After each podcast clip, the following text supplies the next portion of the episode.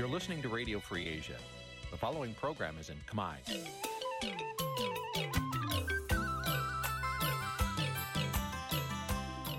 នេះជាកម្មវិធីផ្សាយ Vuthu Azizi Serai នេះជាកម្មវិធីផ្សាយរបស់ Vuthu Azizi Serai ជាភាសាខ្មែរ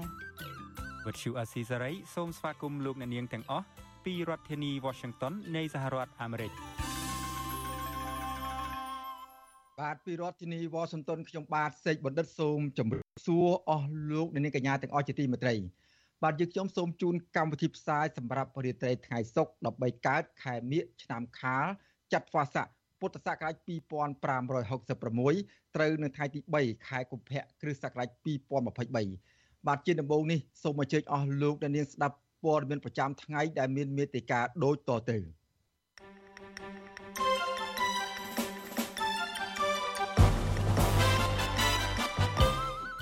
ពលរដ្ឋតាមដងផ្លូវចេញគាំទ្រក្បួនធម្មយាត្រារដ្ឋាភិបាលបដិសេធរបាយការណ៍អន្តរជាតិដែលរកឃើញថាកម្ពុជា ដឹកនាំបែបផ្ដាច់ការកម្ពុជាថាការផ្ដល់ពានរង្វាន់ដល់កញ្ញាឈឹមស៊ីធមិនមែនជាមធ្យោបាយការពារខ្លួននៅតុលាការនោះទេបាទនៅក្នុងនីតិ វេទិកាអ្នកស្ដាប់វិទ្យុអស៊ីសេរីរតីនេះយើងនឹងជជែកថាតើលោករងឈុននឹងអាចជួយពង្រឹងគណៈបកភ្លើងទៀនតាមបែបណា បាទរួមនឹងព័ត៌មានសំខាន់សំខាន់មួយចំនួនទៀតបាទជាបន្តទៅទៀតនេះខ្ញុំបាទសេកបណ្ឌិតសូមជូនព័ត៌មានពិស្ដាបាទលោកនាងកញ្ញាជាទីមេត្រីអាញាធរនៅតាមមូលដ្ឋាន នៅតែបន្តឃ្លាំមើលក្បួនធម្មយាត្រាដើម្បីលើកកម្ពស់សិលធម៌សង្គមនៅថ្ងៃទី3នេះ ក៏ប៉ុន្តែទោះបីជាមានការលួចថតរូបអ្នកចូលរួមធម្មយាត្រាយ៉ាងណាក្តីក៏ប្រជាពលរដ្ឋនៅតាមដងផ្លូវនៅតែគ្រប់គ្រងដល់ក្រមធម្មយាត្រាតាមរយៈការឧបត្ថម្ភជាទឹកគ្រឿងឧបភោគបរិភោគនិងចូលរួមដំណើរធម្មយាត្រានេះផង បាទពីរដ្ឋធានី Washington លោកនៅវណ្ណរិនរាយការណ៍ជុំវិញព័ត៌មាននេះថ្ងៃទី3នៃក្បួនធម្មយាត្រាលើកកម្ពស់សិលធម៌សង្គមរបស់សមាគមគ្រូបង្រៀនកម្ពុជាឯករាជ្យដែលមានការចូលរួមពីព្រះសង្ឃ គ្រូបង្រៀនសកម្មជនការពារសិទ្ធិមនុស្សនិងក្រមស្ត្រីថ្ងៃសុកប្រមាណ50នាក់បានធ្វើដំណើរទៅដល់ស្រុកបរិបូរខេត្តកំពង់ឆ្នាំងហើយនៅថ្ងៃទី3ខែកុម្ភៈនេះទីប្រឹក្សាសមាគមគ្រូបង្រៀនកម្ពុជាឯករាជ្យនិងជាសមាជិកគណៈបកភ្លើងទៀន លោករងឈុនឲ្យដឹងថាបើទោះជាមានការឃ្លាំមើលពីសំណាក់អាជ្ញាធរមូលដ្ឋាន និងមានការលួចថតរូបអ្នកចូលរួមក្បួនដង្ហែធម្មយាត្រានេះក្តីក៏ប៉ុន្តែធម្មយាត្រានៅថ្ងៃទី3នេះបានទទួលការគាំទ្រជាច្រើនពីសំណាក់ពលរដ្ឋប្រជាពលរដ្ឋដែលរស់នៅតាមដងផ្លូវជាច្រើន បានផ្ដល់គ្រឿងឧបភោគបរិភោគនិងទឹកដល់ក្បួនធម្មយាត្រាគណៈពលរដ្ឋមួយចំនួន បានចូលរួមដង្ហែធម្មយាត្រានេះផងដែរ។ ថ្នាក់ដឹកនាំមានសិលធម៌ល្អពេលហ្នឹងមនុស្សនៅក្រោមបង្គាប់ក៏មានសិលធម៌ល្អហើយយុវជនចំនួនក្រោយក៏មានសិលធម៌អញ្ចឹងថ្នាក់ដឹកនាំដូចជាគ្រូឧទ្ទិសនាម មួយអ្នកអញ្ចឹងនៅពេលដែលគាត់ខ្លែងម្ដងម្ដងមនុស្សរាប់សិបអ្នកដែលមើលហើយនឹងតាមដានអញ្ចឹងហើយបានជាយើងត្រូវថាចាប់ផ្ដើមពីថាថ្នាក់លើមកយើងមិនអាចថាថ្នាក់ក្រោមហើយថ្នាក់លើมันបានធ្វើជាគំរូដល់ថ្នាក់ក្រោមអានឹងវានឹងពិបាកទទួលបានលទ្ធផលល្អ ឈានមកដល់ថ្ងៃទី3នៃធម្មយាត្រានេះអ្នកចូលរួមដើរក្បួនធម្មយាត្រាភៀកច្រើនហាក់ថមថយកម្លាំងនិងមានពងបែកនៅបាតជើងក៏ប៉ុន្តែពួកគាត់នៅតែបដិញ្ញាចិត្តដើររហូតដល់គោលដៅក្បួនធម្មយាត្រាលើកកម្ពស់សិលធម៌សង្គមបានធ្វើដំណើរថ្មើរជើងចេញពីរាជធានីភ្នំពេញ កាលពីថ្ងៃទី1ខែកុម្ភៈឆ្ពោះទៅខេត្តពោធិ៍សាត់ដោយឆ្លងកាត់ខេត្តកណ្ដាលកំពង់ស្ពឺ និងកំពង់ឆ្នាំងនៅតាមដងផ្លូវហែធម្មយាត្រានេះ ពលរដ្ឋខ្លះប្រគេនភេសជ្ជៈនិងថ្នាំសង្កូវដល់ព្រះសង្ឃនិងអ្នកចូលរួមដង្ហែអ្នកចូលរួមខ្លះមានកាន់ទង់ជាតិខ្មែរនិងខ្លះទៀតកាន់ទង់សាសនាហើយអ្នកខ្លះទៀតកាន់រូបថតអ្នកទោសនយោបាយដូចជាកញ្ញាសេងធីរីនិងមេដឹកនាំសហជីព Nagawal កញ្ញាឈឹមស៊ីធជាដើម ពួកគាត់ ដើរផងស្រែកផង ស្នើឲ្យរដ្ឋាភិបាលដោះលែងអ្នកជាប់ឃុំនយោបាយនិងអ្នកអនុវត្តសិទ្ធិសេរីភាពហើយបញ្ឈប់ការប្រើប្រាស់ពាក្យសម្ដីគំរាមកំហែងបង្កការឈឺចាប់ដោយងាកមកដោះស្រាយចំនួននយោបាយដើម្បីឲ្យមានឯកភាពជាតិនិងផ្សះផ្សាជាតិឡើងវិញសមាគមគ្រូបង្រៀនកម្ពុជាឯករាជ្យយល់ឃើញថា ការបណ្ដោយឲ្យមានទង្វើនិងពាក្យសម្ដីទាំងនេះកើតឡើង គឺជាការសាបព្រោះវប្បធម៌អាក្រក់ដល់អ្នកនយោបាយនិងយុវជនចំនួនក្រោយប្រសិនបើគ្មានការទប់ស្កាត់ឬពញ្ញាក់ស្មារតីបុគ្គលទាំងនោះទេជាមួយគ្នានោះដែរក្បួនធម្មយាត្រាក៏ទាមទារឲ្យអ្នកនយោបាយធ្វើការផ្សះផ្សាគ្នាតាមរយៈការដោះលែងអ្នកទោសមនសិការទាំងអស់ឲ្យមានសេរីភាពឡើងវិញ1សូមឲ្យអ្នកនយោបាយខ្មែរគ្រប់ភាគីងាកមករកការផ្សះផ្សាជាតិនិងប្រកួតប្រជែងគ្នាប្រកបដោយសីលធម៌ក្នុងនាមជាមនុស្សជាតិ2អ្នកមានអំណាចត្រូវបញ្ឈប់ការរំលោភបំពានមកលើពលរដ្ឋខ្មែរស្រស់ត្រង់3សូមដោះលែងអ្នកជាប់ភូមិមនសិការទាំងអស់ដើម្បីបង្ហាញពីភាពចរភាពនិងសាមគ្គីជាតិខ្មែរនិងខ្មែរ4សូមបងប្អូនប្រជាពលរដ្ឋខ្មែរទាំងអស់បញ្ឈប់ការប្រកាន់បកពនិយមហើយងាកមកសាមគ្គីនិងមានមេត្តាចិត្តក្នុងនាមខ្មែរមហានគរ សមាជិកក្រុមថៅវរៈម្នាក់ដែលបានចូលរួមក្បួនដង្ហែនេះគឺអ្នកស្រីឈឿនដារាវី បានប្រាប់វិទ្យុអាស៊ីសេរីថាអ្នកស្រីចូលរួមក្បួនដំណើរធម្មយាត្រានេះគឺក្នុងគោលបំណងចង់លើកកម្ពស់ក្រមសីលធម៌សង្គមតាមរយៈការស្នើឲ្យថ្នាក់ដឹកនាំបញ្ឈប់ការគំរាមកំហែងលើសកម្មជនការពារសង្គមនិងនយោបាយដែលមាននិន្នាការផ្ទុយពីរដ្ឋាភិបាល អ្នកស្រីបន្ថែមថាក្នុងនាមជាថ្នាក់ដឹកនាំប្រទេសអ្នកនយោបាយគួរផ្សាយមេត្តាចិត្តចេះអធ្យាស្រ័យឲ្យគ្នាទៅវិញទៅមកដើម្បីលើកកម្ពស់ការផ្សះផ្សាជាតិជាជាងការធ្វើនយោបាយដោយមានចេតនាកំចាត់ដៃគូប្រកួតប្រជែង។ សម្រាប់ខ្ញុំធម្មយាត្រាគឺសំខាន់ណាស់តកតងនឹងការលើកកម្ពស់សិលធម៌ឡើងវិញពិសេសអាញាធរដែលជាគំរូហើយថ្នាក់ដឹកនាំពោះពោះមួយចំនួនហ្នឹងក៏មិនសូវយល់ឬក៏យកចិត្តទុកដាក់អំពីសិលធម៌ប្រមាណដែរដូចជាការប្រើប្រាស់ពាក្យពេចអាមឹងការប្រើប្រាស់ហិង្សាវាយស្ត្រីទុនខ្សោយមានកម្ដាប់ដៃធាក់អ៊ីក៏មានយើងឃើញគ្រប់រូបភាពអស់ហ្នឹងវាអាក្រក់មែនតើសម្រាប់សង្គមយើង សមាគមគ្រូបង្រៀនកម្ពុជាឯករាជ្យក្រុងនឹងដង្ហែក្បួនធម្មយាត្រារយៈពេល10ថ្ងៃក៏ប៉ុន្តែដោយសារការដង្ហែក្បួនធម្មយាត្រាធ្វើដំណើរបានឆ្ងាយជាងការគ្រោងទុកគណៈកម្មការធម្មយាត្រាបានបញ្ជាក់ប្រាប់អាស៊ីសេរីថាក្បួនធម្មយាត្រានេះនឹងអាចទៅដល់រូបសំណាក់អ្នកតាឃ្លាំងមឿងក្នុងខេត្តពោធិ៍សាត់ដែលជាទីកំណត់នៅថ្ងៃទី7ខែកុម្ភៈខាងមុខខ្ញុំបាទនៅវណ្ណរិន With Chu Azizi Saray ពីរដ្ឋធានី Washington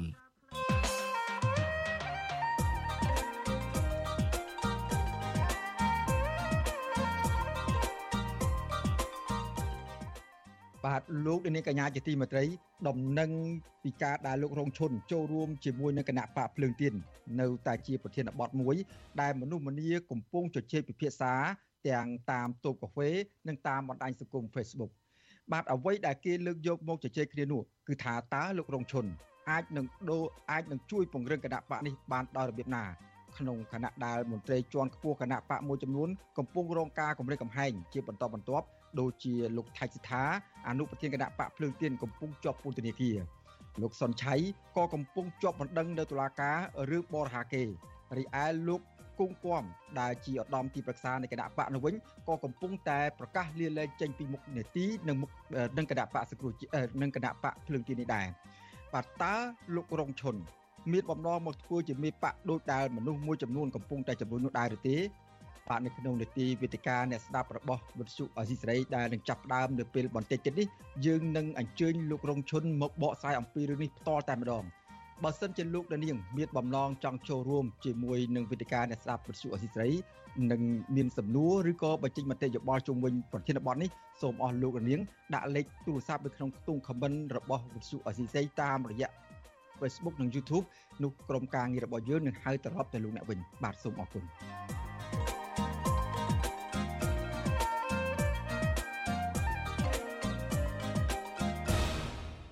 បាទពាក់ព័ន្ធនឹងការគោរពសិទ្ធិមនុស្សវិញបាទគណៈកម្មាធិការសិទ្ធិមនុស្សរបស់កម្ពុជាច្រានចោលរបាយការណ៍របស់ស្ថាប័នអន្តរជាតិ EIU ដែលបានដាក់កម្ពុជាជាប់ចំណាត់ថ្នាក់ជាប្រទេសដឹកនាំផ្ដាច់ការបាទមន្ត្រីសង្គមស៊ីវិលយល់ថារដ្ឋាភិបាលគួរតែទទួលយកអនុសាសន៍របស់ EIU ទៅពិនិត្យដោះស្រាយដើម្បីផ្ដល់ជាផលប្រយោជន៍ដល់កម្ពុជា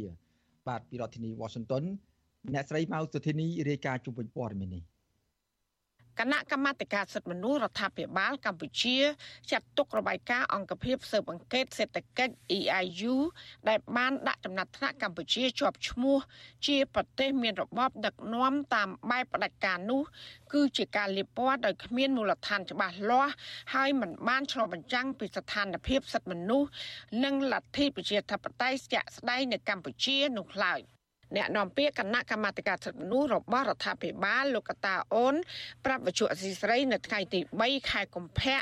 ថារដ្ឋាភិបាលមិនខ្វល់ឬក៏ឆ្លើយតបចំពោះការចុះផ្សាយរបស់អង្គភាពស៊ើបអង្កេតសេដ្ឋកិច្ច EIU ដែលបានចាត់ប្រកាន់មិនត្រឹមត្រូវលើរដ្ឋាភិបាលនោះឡើយ លោកអះអាងថាបច្ចុប្បន្នប្រជាពលរដ្ឋរួមទាំងអង្គការសង្គមស៊ីវិលគណៈបកនយោបាយនិងអ្នកសារព័ត៌មានប្រព័ន្ធស្ថាប័នកំពុងប្រើប្រាស់សិទ្ធិសេរីភាពដោយពេញលេញបើចង់ដឹងច្បាស់នៅកម្ពុជា ជារបបប្រជាការឬរបបជាតបតៃស្រីយើងមើលអំពីក្របខ័ណ្ឌច្បាប់យើងមើលអំពីក្របខ័ណ្ឌរដ្ឋធម្មនុញ្ញយើងមើលអំពីក្របខ័ណ្ឌអនុវត្តយើងមើលអំពីក្របខ័ណ្ឌលទ្ធិជាតិតៃស្ដែងចេញតាមរយៈការបោះឆ្នោតនិងយើងមើលអំពីក្របខ័ណ្ឌនៃលទ្ធិមនុស្សនៅកម្ពុជាយើងមិនមែននៅពីចម្ងាយដាប់ឮគេនិយាយហើយធ្វើរបាយការណ៍ដោយខុសឆ្គងមកលៀបពណ៌មកខុសការពិតអំពីការរស់នៅរបស់ប្រជាជនកម្ពុជាដែលជារដ្ឋឯករាជ្យអធិបតេយ្យនោះទេ អង្គភាពស៊ើបអង្កេត Economy Intelligence Unit ហៅកាត់ថា EIU ដែលមានមូលដ្ឋាននៅចក្រភពអង់គ្លេសទើបនឹងបានចេញផ្សាយដោយយោងតាមសន្ទុះប្រជាធិបតេយ្យឆ្នាំ2022បានដាក់ចំណាត់ថ្នាក់កម្ពុជាជាប់លេខ121ក្នុងចំណោម167ប្រទេសនិងដែនដី នៅលើសកលលោកកម្ពុជាទទួលបានពិន្ទុជាង3ដែលពិន្ទុ0មានន័យថាគឺជាពិន្ទុទាបបំផុត ខាងការអនុវត្តលទ្ធិប្រជាធិបតេយ្យនិងពិន្ទុ10គឺជាពិន្ទុខ្ពស់បំផុតបើទោះបីជាពិន្ទុនៃការអនុវត្តលទ្ធិប្រជាធិបតេយ្យនៅកម្ពុជា បានកើនឡើងបន្តិចបន្តួចបើធៀបកាលពីឆ្នាំ2021ក៏ដោយក៏ពិន្ទុនេះបង្ហាញថាកម្ពុជាមិនអាចរើខ្លួនរួចពីការដឹកនាំតាមបែបរបបផ្ដាច់ការនិយមបានឡើយ អង្គភាព EIU បានរកឃើញថាកាលពីឆ្នាំ2022អាញាធរកម្ពុជាបានលើកបំរាម COVID-19 ទាំងស្រុង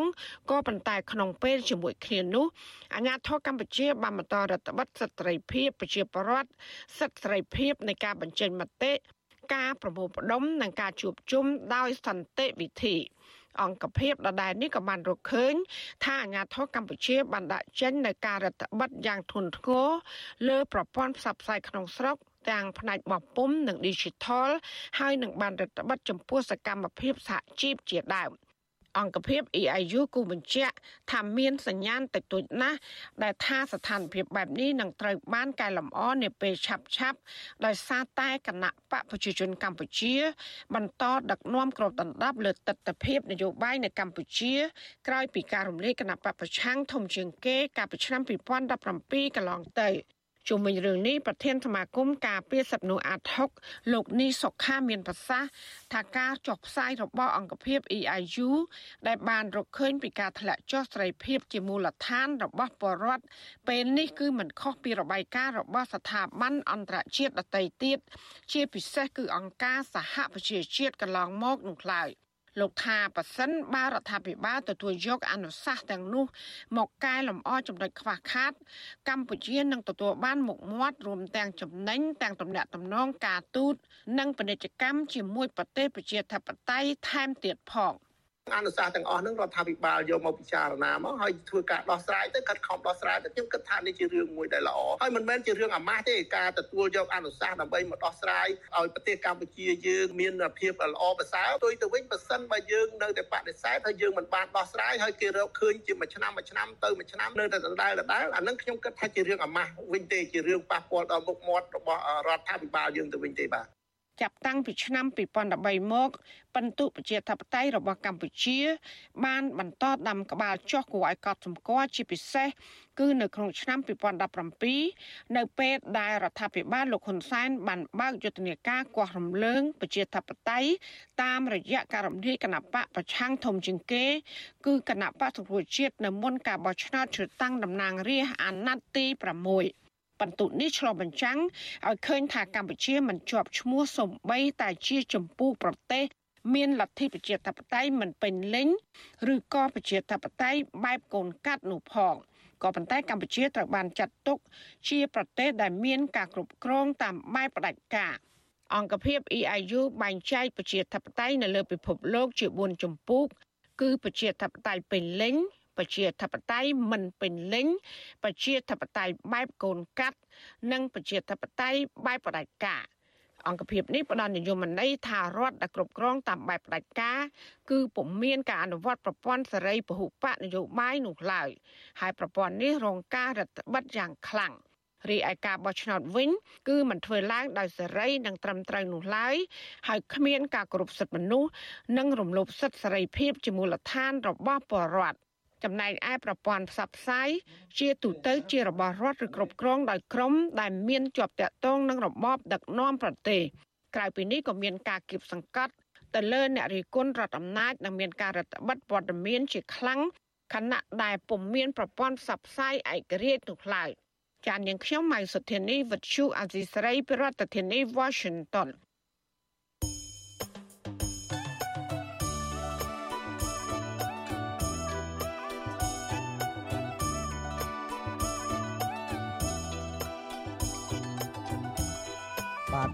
កនាងកញ្ញាជាទីមេត្រីលោកនាងកំពុងតាមដានស្ដាប់ការផ្សាយរបស់វិទ្យុអសីស្រីពីរដ្ឋធានីវ៉ាស៊ីនតោនសហរដ្ឋអាមេរិកបាទដំណើរគ្នានឹងស្ដាប់ការផ្សាយរបស់វិទ្យុអសីស្រីតាមបណ្ដាញសង្គម Facebook និង YouTube នោះលោកនាងក៏អាចស្ដាប់កម្មវិធីផ្សាយរបស់យើងខ្ញុំតាមរយៈរលកធារកាសខ្លីឬ Shortwave តាមកម្រិតនិងកម្ពស់ដូចតទៅនេះបាទពេលព្រឹកចាប់ពីម៉ោង5កន្លះដល់ម៉ោង6កន្លះតាមរយៈប៉ុស SW 9.39 MHz ស្មើនឹងកម្ពស់ 32m និងប៉ុស SW 11.85 MHz ស្មើនឹងកម្ពស់ 25m បាទពេលយប់ចាប់ពីម៉ោង7កន្លះដល់ម៉ោង8កន្លះតាមរយៈប៉ុស SW 9.39 MHz ស្មើនឹងកម្ពស់ 32m ប៉ុស SW 11.88 MHz ស្មើនឹងកម្ពស់ 25m និងប៉ុស SW 15.15 MHz ស្មើនឹងកម្ពស់ 20m បាទសូមអរគុណ បាទពាក់ព័ន្ធនឹងអ្នកការពារសិទ្ធិមនុស្សនិងមេដឹកនាំសហជីពនៅ Naga World នោះវិញបាទក្រសួងការបរទេសចាត់ទុកការផ្ដល់ពានរង្វាន់ការពារសិទ្ធិមនុស្សជាសកលប្រចាំឆ្នាំរបស់សហរដ្ឋអាមេរិកដល់មេដឹកនាំសហជីព Naga World មិនមែនជាការផ្ដល់មធ្យោបាយស្របច្បាប់សម្រាប់ការពារខ្លួននៅតុលាការនោះទេ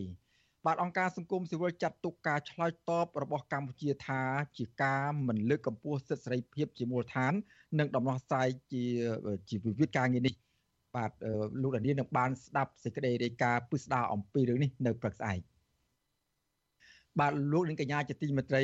លោកដានីទើបបានស្ដាប់ព័ត៌មានប្រចាំថ្ងៃដែលជម្រាបជូនដោយខ្ញុំបាទសេកបណ្ឌិតពីរដ្ឋធានីវ៉ាស៊ីនតោនសហរដ្ឋអាមេរិក បាទហើយជាបន្តទៅទៀតនេះសូមអញ្ជើញអស់លោកនាងរងចាំស្ដាប់នាទីវេទិកាអ្នកស្ដាប់របស់វិទ្យុអាស៊ីសេរី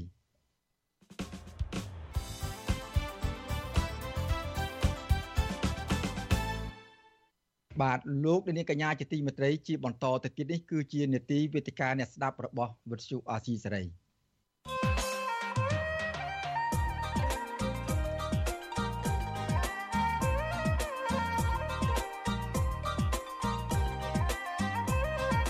វេទិកាអ្នកស្ដាប់វិទ្យុអាស៊ីសេរី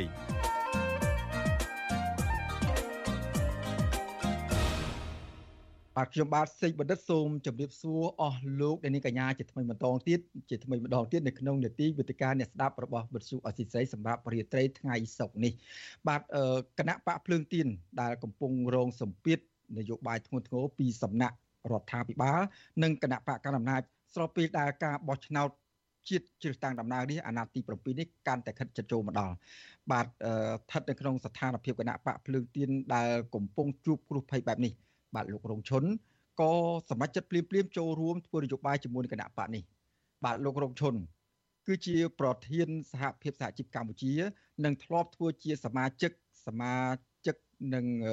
នៅធ្លាប់ធ្វើជាសមាជិកកោចបជាទីប្រឹក្សាគ្រូបង្រៀនកម្ពុជាឯករាជ្យ និងជាតំណាងក្រមប្រឹក្សាឃ្លាំមើលកម្ពុជានឹងធ្លាប់ជាប់ពន្ធនាគារនឹងធ្លាប់ជាប់ពន្ធនាគារពីរដងមកហើយពាក់ព័ន្ធនឹងការនិយាយអំពីបញ្ហាព្រំដែនបាទដំណឹងលោករងឈុនចូលប្រឡូកនៅក្នុងឆាកនយោបាយនេះគឺជាប្រធានបទមួយដែលមនុស្សម្នាកំពុងតែជជែកពិភាក្សាគ្នានៅតាមតូបកាហ្វេនិងតាមបណ្ដាញសង្គម Facebook យ៉ាងផុសផុសនិងហើយអ្នកខ្លះទៀតនោះក៏បានជំរុញឲ្យលោកនោះទៅធ្វើជាមេដឹកនាំគណៈបកភ្លើងទៀនតែម្ដងទៅ បាទអ្វីដែលគេលើកយកមកជជែកពិភាក្សានោះគឺថាតើលោករងឈុនអាចនឹងជួបវិពង្រឹងគណៈបកនេះបានដោយរបៀបណាក្នុងគណៈដែលមន្ត្រីជាន់ខ្ពស់គណៈបកមួយចំនួនកំពុងតែគម្រាមកំហែងជាបន្តបន្ទាប់ដូចជាអនុប្រធានគណៈបកភ្លើងទៀនគឺលោកថៃសេដ្ឋាកំពុងជាប់ពន្ធនាគារអនុប្រធានគណៈបកភ្លើងទៀនមួយរូបទៀតគឺលោកសុនឆៃកំពុងជាប់បណ្ដឹងនៅតុលាការពាក់ព័ន្ធនឹងរឿងបទបរហាគេ ហើយចុងក្រោយនេះគឺលោកគង្គគំដែលជាឧត្តមទីប្រឹក្សារបស់គណៈបកភ្លើងទៀននោះក៏បានប្រកាសលាលែងចេញពីមុខតំណែងនិងលាចេញពីគណៈបកភ្លើងទៀននេះថែមទៀតផង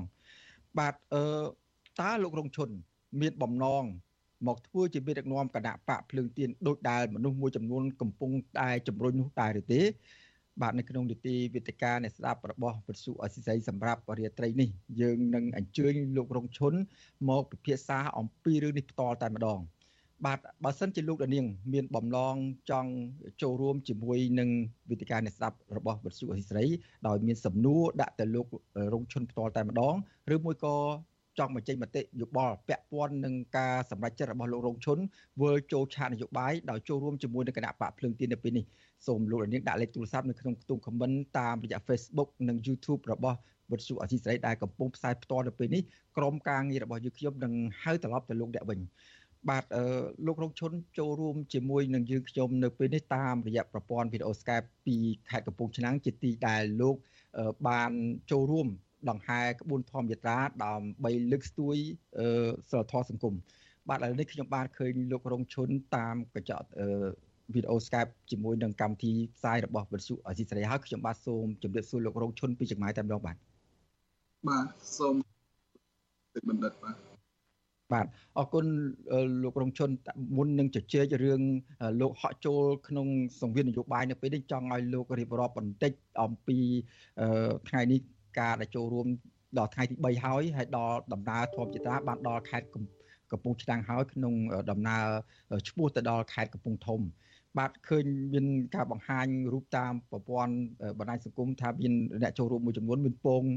ពងជើងផងដែរឆ្ងាយពេកហើយលោកគ្រូផ្ទាល់ហ្នឹងក៏មានបញ្ហាពងដៃពងជើងនេះដែរតើបញ្ហាសុខភាពដល់លោកគ្រូប៉ុណ្នេះមកដល់ពេលនេះយ៉ាងម៉េចអាចបន្តដំណើរបានទៅដល់ថ្ងៃស្អែកទៀតទេមើលទៅជើងបើជើងពងខ្លាំងឯនោះបាទ បាទអរគុណសូមជម្រាបសួរជនរួមជាតិដែលកំពុងតែតាមដានស្ដាប់ហេតុរបស់វត្ថុអស៊ីសអឺជុំវិញបញ្ហាដំណើរធម្មយាត្រានេះយើងមកដល់ថ្ងៃនេះ គឺថ្ងៃទី3ហើយហើយអ្នកដែលចូលរួមនៅតែមានកម្លាំង ខ្លាំងក្លាក្នុងការចូលរួមធម្មយាត្រានេះប៉ុន្តែបើយើងធៀបទៅនឹងថ្ងៃទី1ទី2ខុសថ្ងៃទី2ទី3នេះអឺធៀបទៅនឹងថ្ងៃទី1យើងឃើញថានៅអាជ្ញាធរខេត្តកំពង់ឆ្នាំងនេះបានសម្រួលបានសម្រួលដល់ធម្មយត្រាដោយថានៅទីសំណាក់ អីហ្នឹងគាត់ត្រូវថាចូលរួមមកយាមកាមអីឲ្យយើងដើម្បីការពារសុវត្ថិភាពហើយក៏សូមអរគុណនៅអាជ្ញាធរខេត្តកំពង់ឆ្នាំងដែលបានបង្កលក្ខណៈឲ្យធម្មយត្រារបស់យើងមានដំណើរការបានរលូនវាខុសទៅនឹងអាជ្ញាធរខេត្តកណ្ដាលបាទនឹងមានថាការរៀបរៀងការអឺ មិនចង់ឲ្យយើងចូលស្នាក់នៅផ្ទះបងប្អូនប្រជាពលរដ្ឋក្តីតាក់តងទៅនឹងការពងជើងការចុកជើងរមួលកពើអីហ្នឹងវាជាការធម្មតាទេក្នុងនាមដែលយើងថាធ្វើការទៀមទាយើងចង់បានអ្វីមួយឲ្យលើកកម្ពស់នៅថាសិលធម៌សង្គមដូច្នេះយើងត្រូវការលះបង់បាទត្រូវការលះបង់ខ្លះ លះបង់សេចក្តីសុខដើម្បីស្វែងរកអ្វីដែលបងប្អូនជនរួមជាតិចង់បានហើយបើសិនជាយើងមិនមានការលះបង់ទេអ្វីអ្វីក៏มันអាចបានដូចតែយើងចង់បានដែរដោយករណីខ្ញុំមានការបងជើងអីហ្នឹងវាជារឿងមួយអឺថាវាមានការឈឺចាប់ដែរប៉ុន្តែយើងនៅតែមានស្មារតីយើងនៅតែមានកម្លាំងទឹកចិត្តខ្លាំងក្លា ហើយយើងនឹងដើរឆ្ពោះទៅដល់គោលដៅដែលយើងកំណត់បញ្ចប់នៅកន្លែងថាទីសំណាក់របស់លោកអុកញ៉ាឃ្លាំងមឿងបាទហើយយើងគ្រោងថាឥឡូវនេះយើងមកដល់ស្រុករបររបរហើយអញ្ចឹងប្រហែលជាខ្ទង់ថ្ងៃទី7អីហ្នឹងយើងនឹងបញ្ចប់ធ្វើពិធីសាសនានៅពេលហ្នឹងបាទបាទ អរគុណលោករងឈុនឥឡូវយើងសូមបញ្ចប់រឿងដំណើរធម្មយាត្រានេះតែប៉ុណ្្នេះសិនហើយយើងនឹងបន្តតាមដានសកម្មភាពនេះជាបន្តទៀតនៅថ្ងៃស្អែកដែលជាថ្ងៃទី4បាទហើយឥឡូវនេះសូមងាកមករឿងបញ្ហានយោបាយបញ្ហាគណៈបកវិញម្ដងដែលពេលថ្មីថ្មីនេះលោកបានសម្រេចចិត្ត ហក់ចូលក្នុងសង្វៀននយោបាយដោយចូលរួមជាមួយនឹងគណៈបកភ្លើងទៀនបាទចង់ឲ្យលោករងឈុនរៀបរាប់ដោយសង្ខេបបន្តិចអំពីគោលជំហរនិងវត្ថុបំណងរបស់លោកដែលសម្រេចចិត្តនៅពេលនេះតើវាយ៉ាងម៉េចដែរបាទសូមជឿចំពោះការហក់ចូលរបស់ខ្ញុំនៅក្នុងជីវិតនយោបាយជាមួយគណៈបកភ្លើងទៀនវាមិនចម្លែកទេបាទដូចខ្ញុំបាន ធ្វើសន្និសិទសារព័ត៌មាននៅកន្លងមកហើយទោះបីស្ថានភាពក្តៅឬមួយក៏ថាយើងឃើញថាថ្នាក់ដឹកនាំគណៈបកភ្លើងទៀនកំពុងតែប្រឈមទទួលរងគ្រោះតាមរយៈបណ្ដឹងក្តីដូច្នេះនៅពេលដែលយើងឃើញគណៈបកភ្លើងទៀនកំពុងតែប្រឈមនឹងហើយបានជាខ្ញុំសម្រាប់ចិត្តហក់ចូលទៅដើម្បីធ្វើម៉េច ជួយដល់គណៈបកភ្លើងទៀនដែលកំពុងតែទទួលរងគ្រោះទី2យើងជួយបង្កើននៅគេថាកម្លាំងអធិពលគណៈបកភ្លើងទៀនក្នុងការប្រកួតប្រជែងនៅថ្ងៃ23កក្កដា2023ខាងមុខនេះបាទដូច្នេះអរគុណដែលប្រឈមអញ្ចឹងយើងធម្មតាទេអាការនៅក្នុងសង្គមខ្មែរយើង យើងអ្នកណាក៏ដឹងថានៅក្នុងសង្គមខ្មែរយើងបែបមិនហើយដូច្នេះបើសិនជាយើងគិតថាអស់ខ្លាចការប្រឈមហើយយើងមិនមិនហ៊ានលះបង់នៃការប្រឈមហ្នឹងពេលហ្នឹងសង្គមយើងវាកាន់តែតែធ្ងន់ធ្ងរទៅទៀតអញ្ចឹងហើយបានជាខ្ញុំហក់ចូលទៅតាមសនំពរបស់បងប្អូនប្រជាពលរដ្ឋក៏ដូចជាសកម្មជនហើយនឹងថ្នាក់ដឹកនាំគណៈបកភ្លើងទៀនផងដែរបាទ អរគុណលោកគ្រូចំពោះលោកនាងវិញបើសិនជាលោកនាងមានបំណងចង់ចូលរួមនៅក្នុងនីតិវិទ្យាអ្នកស្ដាប់បទសុអសីស្រីដោយមានសំណួរឬមួយក៏ទស្សនៈសួរទៅលោករងជនផ្ទាល់ពាក់ព័ន្ធនឹងការ សម្រាប់ចិត្តរបស់លោកចូលរួមជាមួយនឹងគណៈបកភ្លើងទៀននៅក្នុងកលតិស័កដែលស្ថានភាពនយោបាយមានសភាពតានតឹងនៅពេលនេះសូមអស់លោកនាងដាក់លេខទូរស័ព្ទនៅក្នុងខ្ទង់ comment ដែលកំពុងផ្សាយផ្ទាល់របស់វិទ្យុអសីស្រីតាម Facebook និង YouTube នៅពេលនេះក្រុមការងាររបស់វិទ្យុអសីស្រីនឹងហៅត្រឡប់លោកអ្នកវិញដើម្បីលោកមានសំណួរទៅលោករងជនឬមួយក៏មានទស្សនៈអ្វីជុំវិញការសម្រេចចិត្តរបស់លោករងជននៅពេលនេះបាទហើយ នៅមួយទៀតចំណុចមួយទៀតដែលនៅតាមបណ្ដាញសង្គមបានលើកឡើងយ៉ាងផុសផុសដែរលោករងជនផ្ទាល់ប្រហែលជាដឹងហើយម្នាក់ម្នាក់បានបញ្ចេញមតិយោបល់លើកទឹកចិត្តថាគណៈបកភ្លើងទៀននៅពេលនេះកំពុងតែជួបគ្រោះភ័យច្រើនហើយត្រូវការមេដឹកនាំដែលរឹងមាំដែលមុះមុតហើយគេឃើញសកម្មភាពរងជនគាត់លើកទឹកចិត្តថាសូមឲ្យលោករងជននឹងទៅចូលរួមគណៈបកភ្លើងទៀនធ្វើជាមេដឹកនាំគណៈបកភ្លើងទៀន ឲ្យរឹងមាំពង្រឹងគណៈបកភ្លើងទៀនឲ្យរឹងមាំតែម្ដងទៅចំពោះការលើកទឹកចិត្តបែបនេះតើលោករងជនគិតមិនដែរលោករងឈុនចូលមកគណៈបកភ្លើងទៀននៅពេលនេះក្នុងបំឡងចង់មកធ្វើមេបកតែម្ដងឬមួយនៅក្នុងបេសកកម្មអ្វីមួយក្នុងការជួយជ្រោមគណៈបកភ្លើងទៀននៅក្នុងឱកាសនេះបាទអឺតកតងទៅនឹងការហក់ចូលរបស់ខ្ញុំ មិនមែនមានន័យថាខ្ញុំហក់ចូលទៅដើម្បីធ្វើប្រធានឬមួយធ្វើមេបកតែម្ដងទេនឹងវាអាស្រ័យទៅនឹង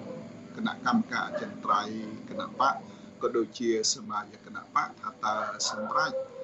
ផ្ដល់តួនាទីឬតំណែង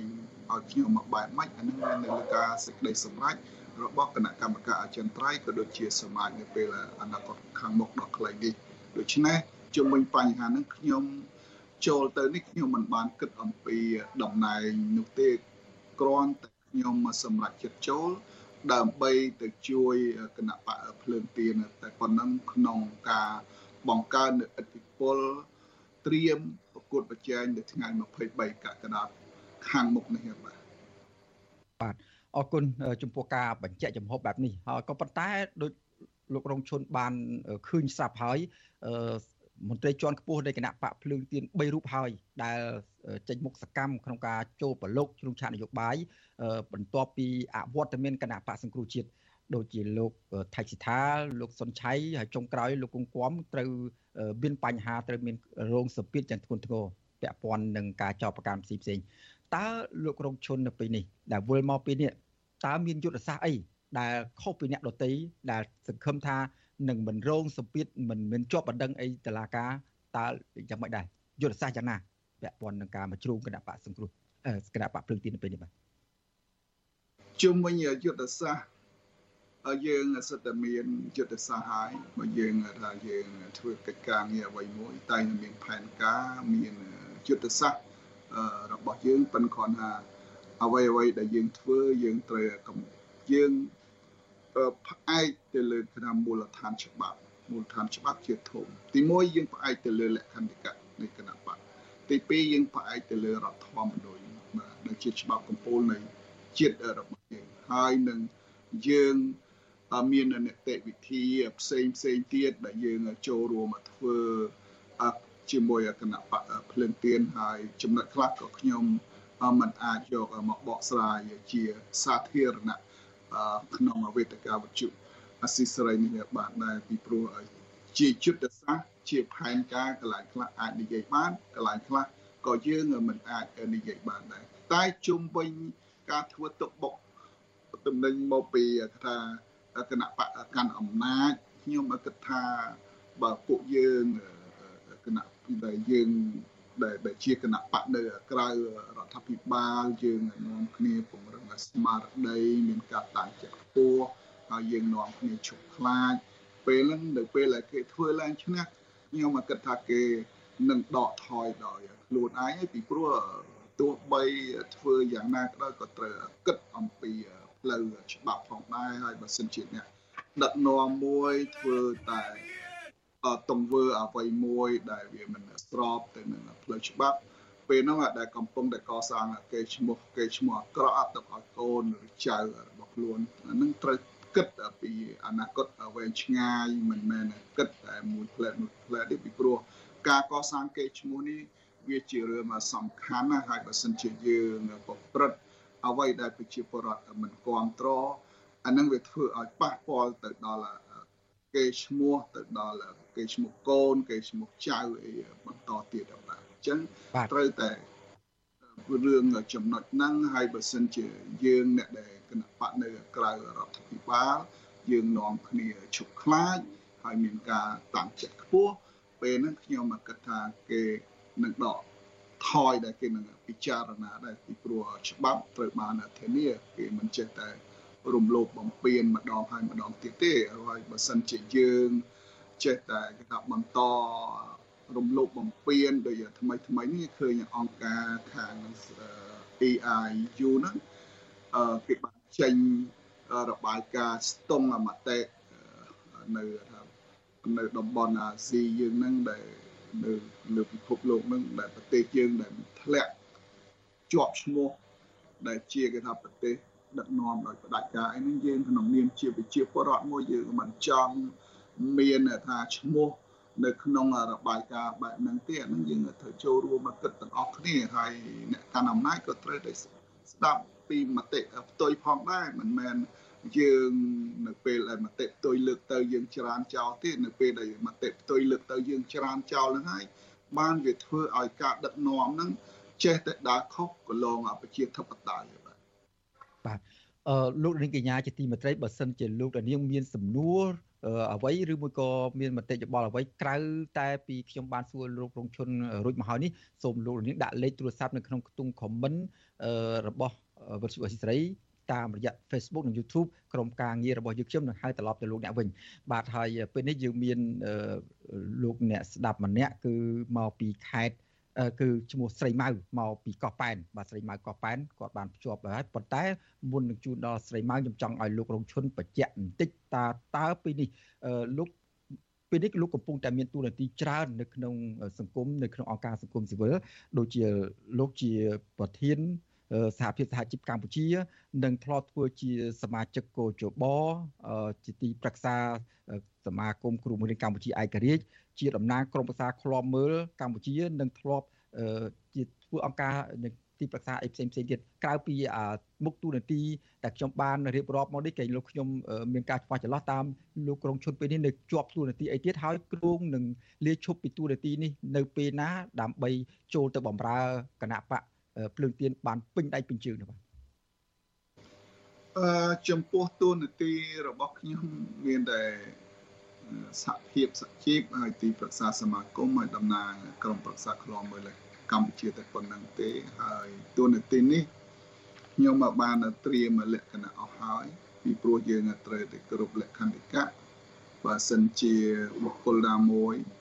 សក្ការ័យណាមួយដែលថាពាក់ព័ន្ធនឹងមានទូនាទីនៅក្នុងគណៈបកវាត្រូវតែលាឈប់ពីសហភាពពីទូនាទី NGO ហ្នឹងអង្គការហ្នឹងអញ្ចឹងបន្ទាប់ពីហេតុធម្មយត្រាចប់ខ្ញុំនឹងកោះប្រជុំថ្នាក់ដឹកនាំសហភាពហើយយើងនឹងធ្វើការផ្ទេរតំណែងឲ្យសហការីរបស់ខ្ញុំមកដឹកនាំបន្តពីពីខ្ញុំដូច្នេះខ្ញុំมันអាចនៅថាឈរជើងមួយនៅខាងគណៈបកនយោបាយជើងមួយទៀតនៅខាងសហភាពឬសហជីពសមាគម អញ្ចឹងมันអាចធ្វើបែបនឹងទៅបានទេបាទដូច្នេះខ្ញុំត្រូវតែលាឈប់ខាងសហភាពសហជីពកម្ពុជាក៏ដូចជាខាងសមាគមគ្រូបង្រៀនកម្ពុជាឯករាជ្យនិងក្រមប្រឹក្សាខ្លំមើលកម្ពុជាបាទហើយនឹងមានអ្នកតំណាងដឹកនាំមកបន្តពីខ្ញុំ អរគុណលោកលោកនាងកញ្ញាជាទីមេត្រីនៅពេលនេះលោកលោកនាងកំពុងតាមដានស្ដាប់ការផ្សាយរបស់វិទ្យុអេសេរីក្នុងនីតិវេទិកាដែលស្ដាប់របស់វិទ្យុអេសេរីដែលយើងកំពុងជជែកគ្នាអំពីការហក់ចូលទៅក្នុងឆាកនយោបាយរបស់លោករងឈុនជាមួយនឹងគណៈបកភ្លើងទៀនបាទនៅពេលនេះយើងមានលោកអ្នកស្ដាប់ម្នាក់ហើយបានភ្ជាប់មកហើយគឺស្រីម៉ៅកោះប៉ែនបាទជម្រាបសួរស្រីម៉ៅកោះប៉ែនបាទ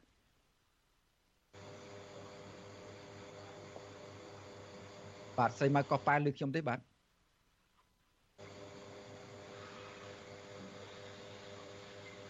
បាទយើងនៅមិនទាន់ឮស្រីម៉ៅកោះប៉ែននេះក៏ប៉ុន្តែយើងព្យាយាមតាក់ទងទៅគាត់ជាថ្មីម្ដងទៀត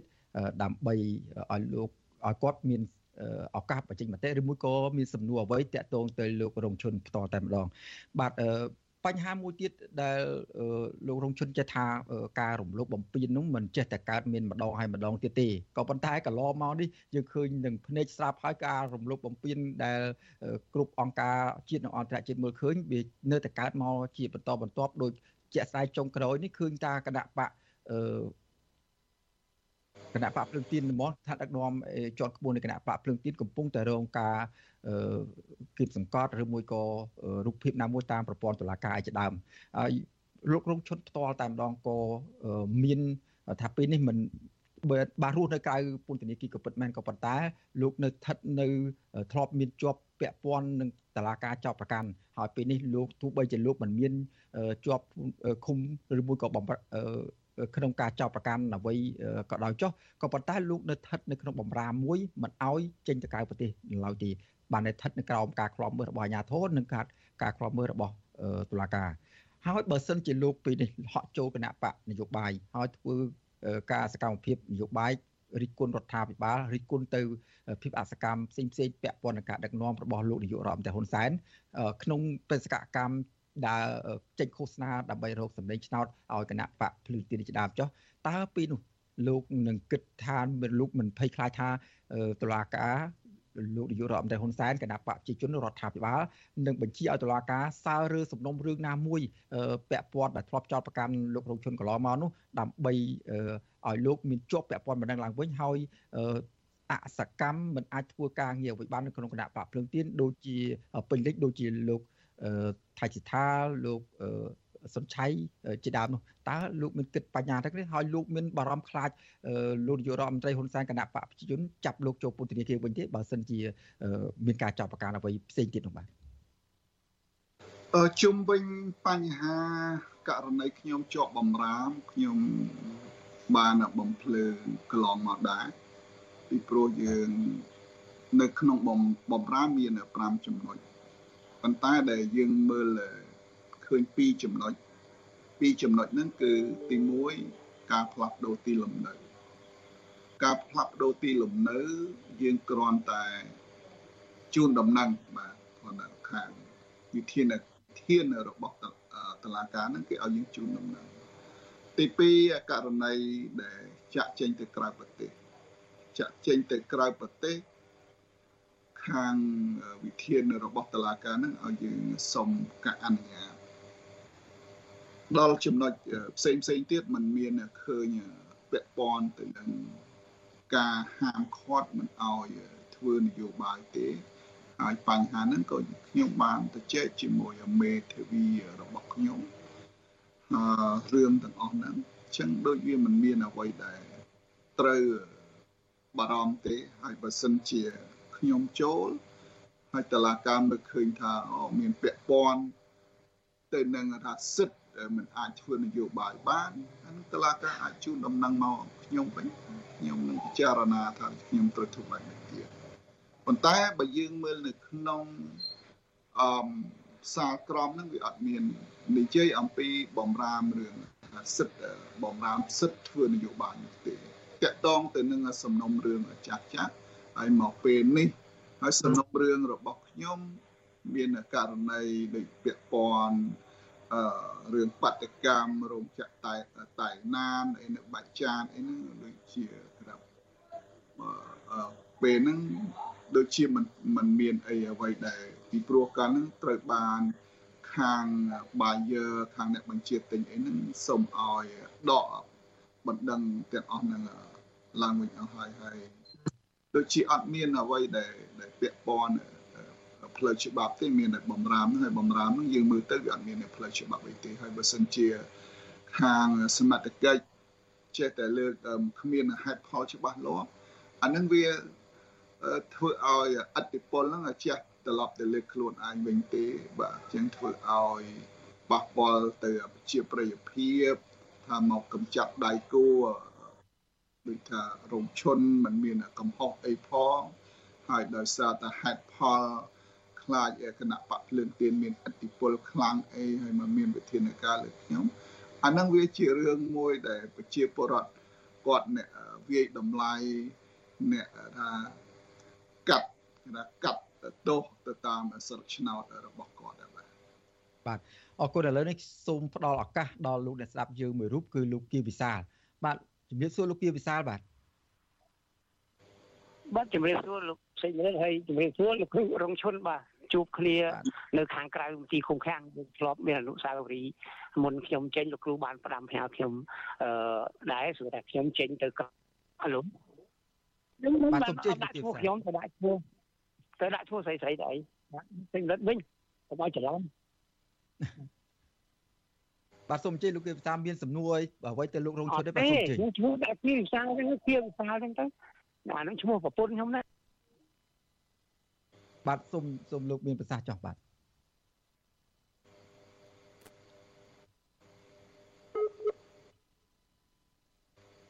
ហៅឡូបាទបាទមិនដឹងជាមានបញ្ហាអីវិញទៅទាំងយើងនឹងព្យាយាមតាក់ទងទៅលោកឬមួយក៏អ្នកស្ដាប់យើងមួយរូបទៀតគឺស្រីម៉ៅកោះប៉ែន បាទបើសិនជាលោកនាងផ្សេងទៀតមានបំណងចង់មានសំណួរឬមួយក៏មានមតិយោបល់តាក់ទងនឹងកិច្ចពិភាក្សាជុំវិញរឿងលោករងជនវិលចូលឆាកត្រឡប់ចូលឆាកនយោបាយនេះលោកនាងនឹងអាចដាក់លេខទូរស័ព្ទតាមខ្ទង់ comment Facebook និង YouTube របស់វិទ្យុអសិរ័យដែលកំពុងផ្សាយផ្ទាល់នៅពេលនេះក្រុមការងាររឿងយើងខ្ញុំនឹងហៅត្រឡប់ទៅលោកអ្នកវិញបាទឥឡូវតាក់ទងនឹងអឺបាទឥឡូវ ខាងបច្ចេកទេសប្រាប់ថាលោកបានភ្ជាប់លោកគីវិសាលវិញហើយបាទសូមអញ្ជើញលោកគីវិសាលឡើងវិញបាទដាក់សំណួរឡើងវិញបាទ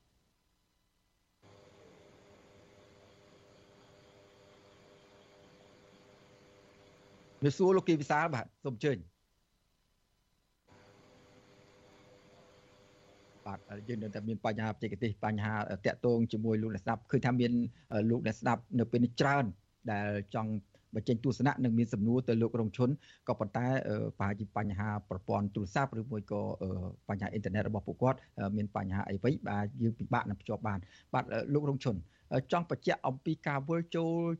រួមជីវភាពនយោបាយជាមួយនឹងគណៈបកភ្លើងទៀននៅពេលនេះតើការចូលទៅលោកនឹងមានទូនាទីអ្វីដែរបាទអាចបញ្ជាក់បានទេបាទចំពោះបញ្ហានេះចំពោះបញ្ហានេះមកដល់ពេលនេះខ្ញុំមិនទាន់បានទទួលពីខាងគណៈបក ភ្លើងទៀននៅឡើយថាតើខ្ញុំនឹងទទួលបានទូនាទីអ្វីនោះពីព្រោះខ្ញុំដាក់ពាក្យសុំចូលនេះក៏មិនគិតអំពីបញ្ហាទូនាទីដែរអញ្ចឹងវាអាស្រ័យទៅលើគណៈបកថាតើរៀបចំឲ្យខ្ញុំនៅកន្លែងណានឹងអាស្រ័យទៅលើការសម្រេចរបស់គណៈបកយើងមិនទៅធ្វើការទៀមទាអីទេចំពោះមុខតំណែងហ្នឹងបាទបាទអ តើការដែលចូលទៅគណៈបកភ្លើងទៀនអឺជាថ្ងៃដំបូងឬមួយក៏សកម្មភាពដំបូងដែលលោកត្រូវបំពេញការងារនោះតើលោកនឹងលើកយកបញ្ហាអ្វីមួយដើម្បីយកមកអនុវត្តឬមួយក៏ធ្វើការផ្សព្វផ្សាយឲ្យសាធារណជនបានដឹងអំពីសកម្មភាពនយោបាយរបស់លោកនៅក្នុងគណៈបកភ្លើងទៀននេះបាទតាមការពិតទៅនៅពេលដែលខ្ញុំចូលទៅក៏ខ្ញុំត្រូវតែដើរទៅតាមបន្ទាត់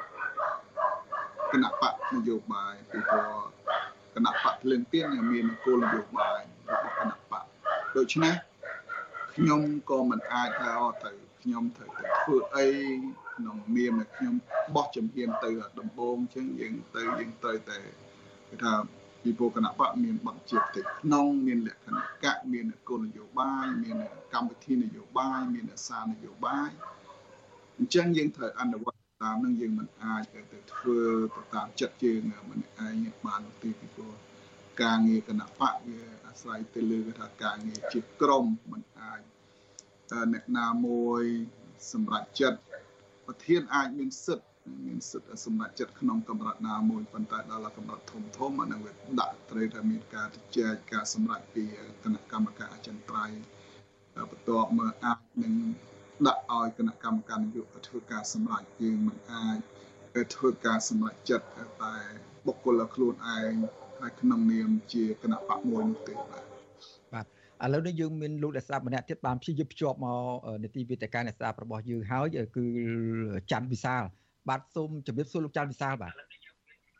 បាទបាទបាទជម្រាបសួរបងបាទបាទសូមដាក់សំណួរទៅលោករងជនផ្ទាល់តែម្ដងនេះព្រោះពោះយើងចិត្តអស់ពេលហើយបាទ បាទខ្ញុំសូមជម្រាបសួរលោកគ្រូផងដែរបងតកតងជាមួយតកតងជាមួយនឹងបញ្ហាលោកគ្រូគាត់ឈានចូលក្នុងឆាកនយោបាយតែគាត់មានអឺការព្រួយបារម្ភជាមួយនឹងសុខភាពក៏ដូចជាសុខភាពគាត់នៅថ្ងៃមុខដែរឬមួយក៏យ៉ាងណាបាទតើលោកមានសំណួរឬមួយក៏មានទស្សនៈអ្វីផ្សេងទៀតទេបាទឬមួយតែប៉ុណ្្នឹងទេបាទតែប៉ុណ្្នឹងទេបង បាទអរគុណជំរាបលាលោកច័ន្ទវិសាលហើយជូនសំណួរនេះទៅលោករងឈុតតែម្ដងបាទសូមជម្រាបអរគុណលោកច័ន្ទវិសាលតកតងការព្រួយបារម្ភចំពោះរូបខ្ញុំខ្ញុំដូចជាមិនមានការព្រួយបារម្ភអីទេបើយើងងាកទៅមើលច្បាប់ងាកទៅមើលច្បាប់រដ្ឋធម្មនុញ្ញត្រូវបានធានាពលរដ្ឋគ្រប់រូបមានសិទ្ធិធ្វើនយោបាយដូច្នេះអ្វីដែលខ្ញុំហក់ចូលក្នុងជីវភាពនយោបាយ ដោយពុំមានអ្វីដែលយើងត្រូវបារម្ភទេពីព្រោះយើងមិនបានប្រព្រឹត្តកំហុសដែលត្រូវបារម្ភនោះទេអញ្ចឹងគ្មានអ្វីដែលត្រូវបារម្ភទេចំពោះបញ្ហាទាំងអស់នេះបាទ អរគុណមុននេះលោកបានប្រាប់ហើយថាមានយុទ្ធសាស្ត្រនយោបាយច្រើនតែប៉ុន្តែលោកមិនអាចប្រាប់ជាសាធារណៈបានដល់ពេលនេះក៏ប៉ុន្តែលោកសង្ឃឹមថារាល់យុទ្ធសាស្ត្រដែលបានត្រៀមទុករបស់លោករួចមកហើយនោះតើយុទ្ធសាស្ត្រអស់ទាំងនោះសង្ឃឹមថានឹងអាចអនុវត្តបានដោយទូលំទូលាយដោយពេញតិចពេញពោពេញដោយសេរីភាព ហើយអាចនឹងជួយពង្រឹងគណៈបកភ្លើងទៀននឹងឲ្យរឹងមាំឡើងវិញបានកម្រិតណាស់ដែរហើយលោកសង្ឃឹមថាតើរដ្ឋាភិបាលគណៈបកការអំណាចនឹងផ្ដល់ឱកាសឲ្យលោកអនុវត្តតាមយុទ្ធសាស្ត្រនយោបាយដោយរលូនរហូតដល់ថ្ងៃបោះឆ្នោតចាប់ផ្ដើមនោះដែរឬក៏យ៉ាងឬក៏យ៉ាងណាបាទអឺចំពោះបញ្ហាទាំងអស់នេះយើងបានដឹងទាំងអស់គ្នាហើយថាតើយើងត្រូវមានយុទ្ធសាស្ត្របែបម៉េច ទី1ខ្ញុំមើលឃើញថាអ្នកដែលនៅក្រោមឆាត់គណៈបកភ្លើងទៀនមានឆន្ទៈរួមបាទមានឆន្ទៈគឺចង់ជួយឲ្យប្រទេសកម្ពុជា មានការគោរពសិទ្ធិមនុស្សមានលទ្ធិប្រជាធិបតេយ្យមានយុត្តិធម៌មានសេរីភាពអានឹងដែលជាគេថាជាចំណុចរួមដូច្នេះការពង្រឹងខ្ញុំគិតថាมันមាន អ្វីដែលលំបាកនោះទេពីព្រោះយើងមានថាចំណុចរួមហើយអ្នកណាក៏ចង់ជួយជាតិដែរអញ្ចឹងការពង្រឹងมันជាជាការលំបាកទេបាទទោះបីប៉ះទឹកកិច្ចស្ទិអារម្មណ៍គ្នាបន្តិចបន្តួច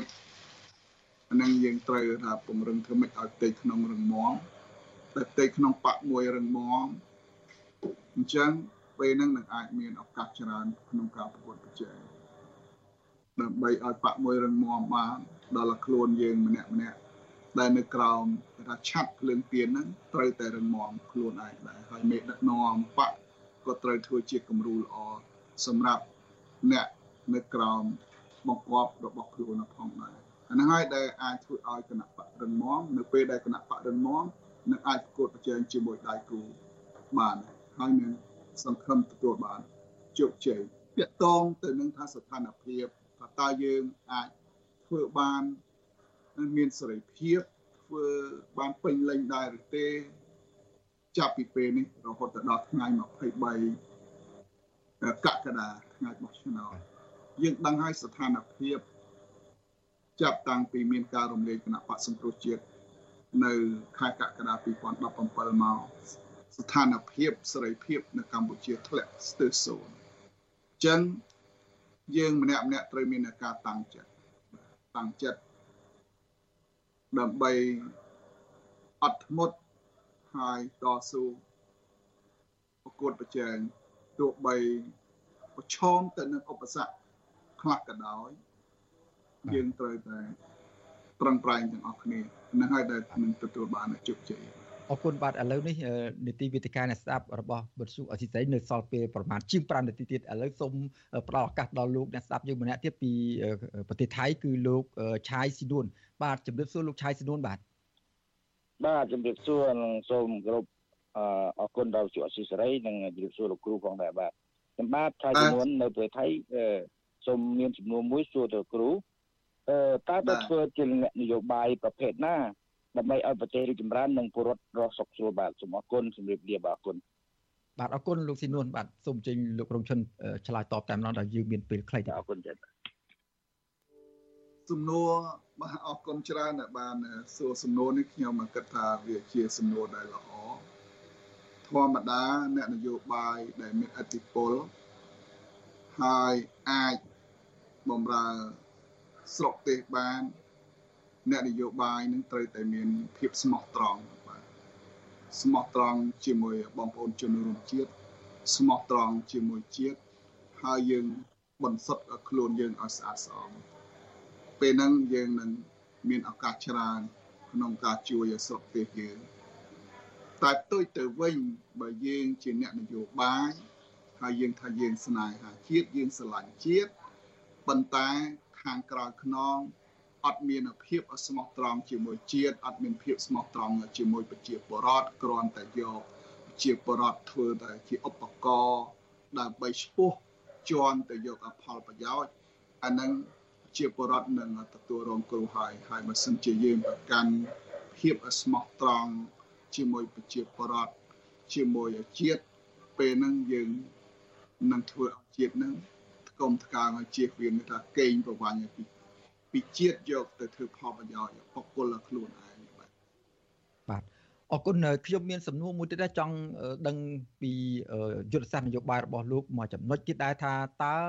ទោះបីជាចំណុចខ្លះលោកមិនអាចប្រាប់បានក៏ប៉ុន្តែមួយនេះសង្ឃឹមថាលោកអាចប្រាប់បានថាតើមានយុទ្ធសាស្ត្រយកឈ្នះលើគណៈបកកាន់អំណាចសពថ្ងៃនេះដោយរបៀបណា ហើយសង្ឃឹមថានឹងអាចយកឈ្នះនឹងការគម្រាមកំហែងរបស់គណៈបក ដៃគូប្រកួតប្រជែងដ៏សំខាន់គឺគណៈបកការអំណាចសពថ្ងៃនេះដែលដោយរបៀបម៉េចបាទការយកឈ្នះដៃគូវាសំខាន់យើងត្រូវចាប់ផ្ដើមពីខ្លួនយើងដូចខ្ញុំនិយាយខាងដើមអញ្ចឹងបង្ហាញពីគេថាពីភាពស្អាតស្អំទៅដល់ប្រជាពលរដ្ឋបង្ហាញពីអសមត្ថភាពពីគេថាអ្វីដែលដែលប្រជាពលរដ្ឋមើលមកអាច គាត់ផ្ញើវាសនាមកលើយើងបាន ពេលហ្នឹងហើយយើងនឹងអាចតាក់ទាញការគ្រប់គ្រងច្រើនពីប្រជាពលរដ្ឋបានហើយបើសិនជាយើងគ្រាន់តែធ្វើនយោបាយហើយយើងអត់ហ៊ានអត់មានឆន្ទៈការពារផលប្រយោជន៍ផលប្រយោជន៍របស់ប្រជាពលរដ្ឋផងពេលហ្នឹងมันអាចតាក់ទាញការគ្រប់គ្រងពី ប្រជាពលរដ្ឋបានប្រជាពលរដ្ឋយើងចាត់ទុកជាដើមទុនរបស់អ្នកនយោបាយហើយបើសិនជាអ្នកនយោបាយមិនថែរក្សាដើមទុនហើយបែរជាមិនយកចិត្តទុកដាក់ដល់ប្រជាពលរដ្ឋពេលហ្នឹងប្រជាពលរដ្ឋមិនបោះឆ្នោតមិនគ្រប់គ្រងឲ្យយើងពេលហ្នឹងយើងមិនអាចទទួលបានជោគជ័យអញ្ចឹងហើយបានគេថាប្រជាពលរដ្ឋជាអ្នកដើមទុនជាដើមទុនបើជាដើមទុនរបស់អ្នកនយោបាយអញ្ចឹងបើប្រជាពលរដ្ឋអៀងទៅខាងណាហើយ អ្នកនោះនឹងទទួលបានជោគជ័យហើយដូច្នេះយើងធ្វើឲ្យស្អាតស្អំទៅយកចិត្តទុកដាក់សុខទុក្ខដែលប្រជាពលរដ្ឋទទួលទុកលំបាកទៅពេលហ្នឹងនឹងទទួលបានការគ្រប់គ្រងពីប្រជាពលរដ្ឋហើយដូច្នេះយើងបង្ហាញឲ្យប្រជាពលរដ្ឋមើលឃើញថាគាត់អាចផ្ញើវាសនាមកលើយើងបានពេលហ្នឹងនឹងគាត់បោះឆ្នោតនឹងគាត់គ្រប់គ្រងយើងហើយតែជួយទៅវិញបើយើងប្រព្រឹត្តអំពើអ បាយមុខពេលហ្នឹងគាត់មិនអាចគ្រប់គ្រងមិនអាចបោះឆ្នោតឲ្យយើងបានទេបាទចំណុចមួយទៀតដែលចង់ឲ្យលោកបញ្ជាក់ចំហយ៉ាងខ្លីដែរដូចជាការងារដែលលោកកំពុងតែធ្វើសពថ្ងៃនេះគឺជាប្រធានសហភាពសហជីពកម្ពុជា ដែលពាក់ព័ន្ធនឹងកិច្ចការឃ្លាំមើលទៅលើសិទ្ធិកម្មករហើយនឹងតំណាងក្រុមប្រឹក្សាឃ្លាំមើលកម្ពុជាតើនៅពេលដែលលោកយល់ចូលឆាកនយោបាយ ចូលឆាកហក់ចូលឆាកនយោបាយនោះតើទុកពួកគាត់ចោលឬមួយក៏ចូលនយោបាយហើយមានសិទ្ធិកាន់តែច្រើនក្នុងការជួយដល់ពួកគាត់ដោយរបៀបណាដែរបាទជុំវិញបញ្ហានឹងការចូលនយោបាយរបស់ខ្ញុំមិនមែនមានន័យថាខ្ញុំបោះបង់កម្មករចោលបោះបង់គ្រូបង្រៀនបោះបង់ប្រជាពលរដ្ឋ ឬមិនអើពើរឿងបូរណភាពទឹកដីទេ ការចូលនយោបាយរបស់ខ្ញុំវាបើកផ្លូវឲ្យខ្ញុំកាន់តែធំទលាយក្នុងការចូលរួមអន្តរាគមន៍ដូច្នេះយើងចូលនយោបាយបើឃើញកម្មករគាត់ទទួលរងទុក្ខហើយយើងមិនទៅ ស្វែងរកដំណោះស្រាយឲ្យពួកគាត់សួរថាយើងធ្វើនយោបាយបែបម៉េចថាតើឲ្យពួកគាត់មកគ្រប់គ្រងយើងបានទេ ទោះបីឲ្យគាត់មកមិនមកពឹងពាក់ក៏យើងត្រូវតែចុះទៅសួរនាំដែរក្នុងនាមយើងអ្នកនយោបាយដូចគ្រូបង្រៀនមានបញ្ហាយើងត្រូវតែសួរនាំថាតើបញ្ហាស្អីហើយយើងយកមកអន្តរាគមជួយអន្តរាគមដល់ពួកគាត់ប្រជាពលរដ្ឋបញ្ហារឿងស្រូវថោករឿងជីឡើងថ្លៃអីយើងចុះទៅសួរពួកគាត់ហើយយើងយករឿងហ្នឹងយកមក ទៅសេមកអន្តរគមជូនគាត់បញ្ហាពរណភាពទឹកដីបើយើងឃើញរដ្ឋាភិបាលអ្នកដឹកនាំរដ្ឋបោះបង្គោលព្រំដែនមានបញ្ហាមានភាពមិនប្រក្រតីយើងត្រូវតែហ៊ាននិយាយហ៊ានថាទោះបីយើងមិនទាន់ខ្លាចទៅជាតំណាងរាជក្តីក្នុងនាមជាអ្នកក្តារនយោបាយនៅក្នុងបកមួយក្រៅរដ្ឋាភិបាល យើងនៅតែបំពេញតួនាទីគ្រប់បែបយ៉ាងក្នុងការការពារកម្មករគ្រូបង្រៀនប្រជាពលរដ្ឋក៏ដូចជាបរណភាពទឹកដីដូចគ្នាអរគុណលោកគ្រូដោយសារតែពេលវេលាយើងបានគៀកមែនតើហើយសល់មិនដល់មួយនាទីទេតើចុងក្រោយតើលោកមានសារអ្វីទៅដល់អ្នកគ្រប់គ្រងលោកផ្ទាល់និងអ្នកគ្រប់គ្រងសកម្មជន ក្នុងគណៈបកភ្លឺទៀតនោះបាទសារចុងក្រោយនៅពេលដែលលោកហក់ចូលនយោបាយនៅពេលនេះបាទហើយគ្រាន់តែចង់ជម្រាបទៅដល់បងប្អូនជនរួមជាតិ មួយចំនួន នៅដែលកំពុងតែនៅកណ្ដាលគាត់រងចាំមើលហើយមួយចំនួនទៀតដែលគាត់រងចាំមើលគណៈបកសង្គ្រោះជាតិត្រឡប់មកវិញ នៅក្នុងកលៈទេសៈនេះខ្ញុំចង់ផ្ញើសារទៅកាន់ពួកគាត់ថាគួរតែយើងឈប់រងចាំទៅបាទមកចូលរួមគ្រប់គ្រងជាមួយគណៈបកភ្លើងទៀនទៅ នៅពេលដែល នៅពេលដែលគណៈបកសង្គ្រោះជាតិថាមានវាសនាត្រឡប់បានត្រឡប់មកវិញចុះនៅពេលហ្នឹងយើងនឹងទៅចែកគ្នាឡើងវិញទៅថាយើងត្រូវបុកបញ្ចូលគ្នាបែបម៉េចយើងត្រូវធ្វើបែបម៉េច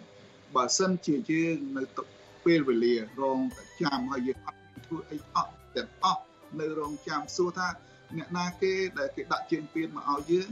គេមិនដាក់ជើងពៀនមកឲ្យយើងទេយើងដឹងហើយគណៈបកសង្គ្រោះជាតិកាត់ចេញពីគណៈបកសង្គ្រោះ